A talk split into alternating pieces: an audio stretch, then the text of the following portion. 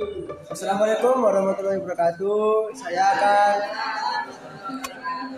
saya akan menceritakan pengalaman saya waktu magang.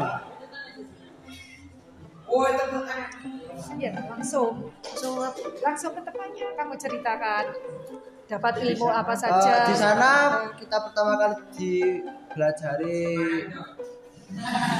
ngambil telur untuk memberi makan dan mengambil telur.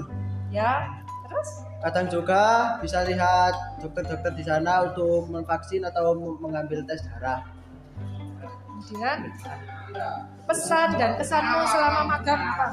Selama magang saya jadi bisa mengerti eh, kalau bekerja itu sulit dan ya dapat mendapat ilmu untuk beternak Ternak, Unggas. telur ya. Betelur. Terus namanya satunya namanya siapa?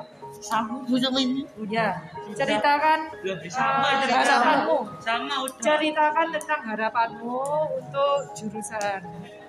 Eh, Eh, harapan saya untuk jurusan supaya bisa lebih maju eh, mengerti dan mempelajari materi-materi tentang peternakan karena dalam peternakan itu sangat luas sekali gitu.